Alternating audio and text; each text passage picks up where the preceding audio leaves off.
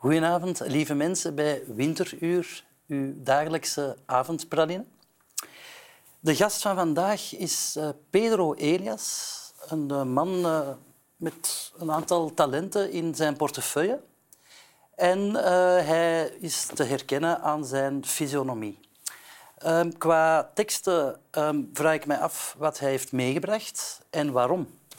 Dus de tekst die hij heeft meegebracht uh, staat hier inmiddels volgens conform het format op deze prachtige muur. En dus het is misschien de bedoeling dat ik uh, even de tekst voorlees in een taal die niet de mijne is. I was trying to write a play that would get me killed, MacDonald said. I had no real fear that it would be, because the paramilitaries never bothered with playwrights anyway.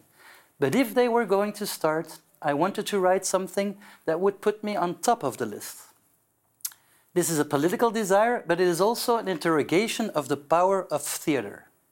Could a play of mine send out certain men to shoot the author? Dus, dus, um... Wat staat hier? Hey Wim, hallo. Hallo. hallo. Het was te moeilijk om te blijven zwijgen. Dus... Ja? Ja. Maar je hebt het wel geprobeerd. Hè? Ik heb mijn best gedaan. Fantastisch denk lang, ik. Ja. ja. Wat vond je zelf van de inleiding? Niet zo goed als die van u. Nee, ja, Nee. maar wel een paar mooie woorden van Ja? in mijn portefeuille en zo de Ja. fysionomie. Ah, ja. Ik kan mij herkennen aan mijn fysionomie.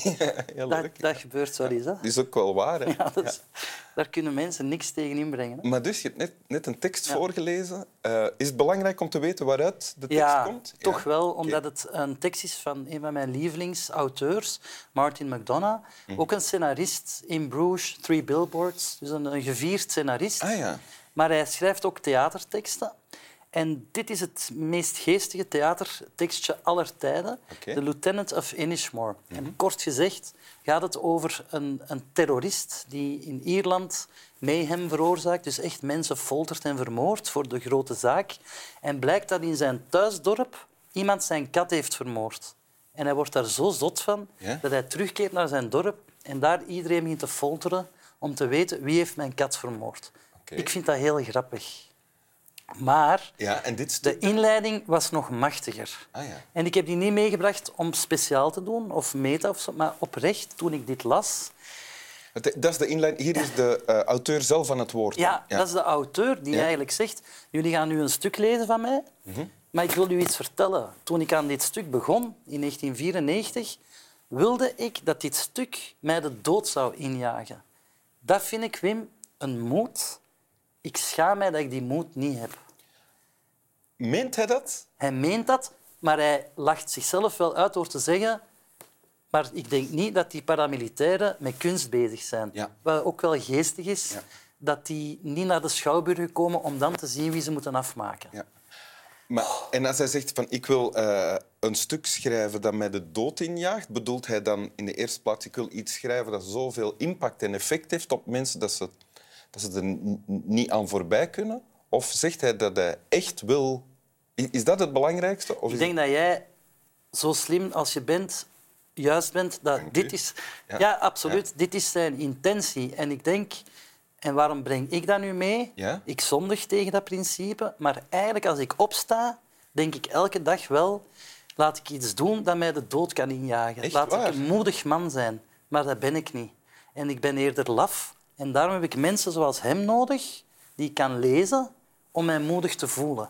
Maar is, Ja. je stelt moed gelijk dan met iets doen dat je de dood kan injagen? Uh, ja, maar dat is, heeft te maken met mijn karakter. Maar ik denk niet dat die definitie klopt of zo. Nee.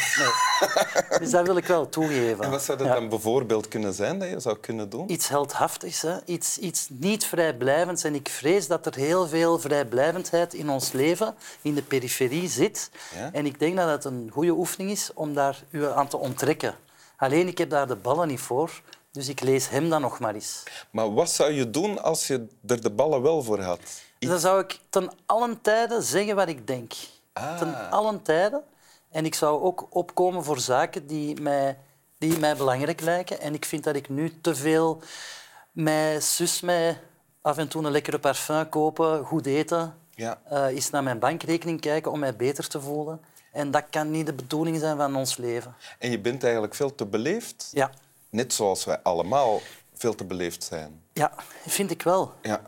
Vind je dat ook? Ik weet het niet, want aan de andere kant, we zijn ook sociale dieren. Hè? Dus we hebben ook allemaal elkaar nodig. En we hebben het nodig om bij, bij elkaar te horen of het gevoel te hebben dat we bij anderen op Dat is waar. horen. En daar horen allerhande regels bij. Dat geldt in de dierenwereld en dat geldt in onze Mhm. wereld ook, denk ik. Het is waar en daarom dat ik mij soms ook vergeef aan mezelf. Ja.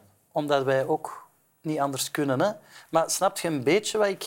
Als je dit nu leest, een, een schrijver die u belooft... Ik heb iets geschreven, maar weet mannen... Ik heb dat geschreven, maar ik hoop dat mij dat... Dan heeft hij zich toch echt gesmeten. dan heeft hij wel, zi- zich wel echt gesmeten. En, en dat is de idee om zoiets te doen, is wat daar bevrijdend aan is, is de idee van volkomen angstloos te zijn. Wauw.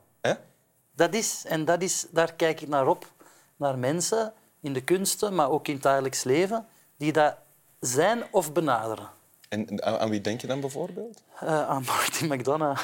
Nee, aan ons mama. Aan uw mama? Ja. Ja, ik heb het gevoel dat die redelijk angstloos door het leven gaat. Ah, ja. Ja. Die leeft nog, uw mama. Ja, die leeft. Allee, daar zijn bewijzen van zelfs. Ik heb haar gisteren nog gesproken.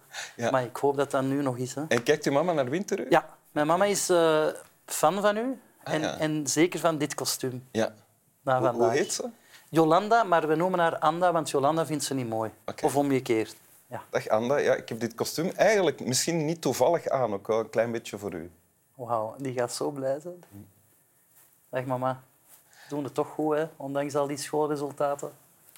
Wil je het nog eens lezen? Zeker. Le- Lees het mijn- uit het boek Ja. misschien. Ja, ik hoop gewoon... Oh, sorry, mijn hand ruift. Wim, ik hoop dat jij het ook wel mooi vindt, want ik wil je niet teleurstellen. Hè? Ik zal nog eens heel goed luisteren. Oké. Dus de introductie bij het theaterstuk. I was trying to write a play that would get me killed, McDonough said. I had no real fear that it would be, because the paramilitaries never bothered with playwrights anyway. But if they were going to start, I wanted to write something that would put me on top of the list. This is a political desire, but is also an interrogation of the power of theater. Could a play of mine send out certain men to shoot the author? Fearless.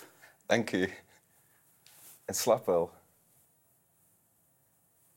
Ja, ik kan niet zeggen of dat ik teleurgesteld ben of niet. Ik twijfel niet of je het wel mooi vindt. Ja, maar ja, je moet die angst confronteren. Dus ik, als, ik u, ge- als ik u dat geef, hè, van Ja. nee, nee, ik vind het heel Ja. goed. Ja. Ik heb de neiging om mensen voor mijn kar te spannen om mijn angsten weg te doen. Ja. En jij doet daar niet aan mee. Hè? Ik laat me niet voor u Nee, ik merk het. Mijn psychiater ook niet de nieuwste dat ik heb.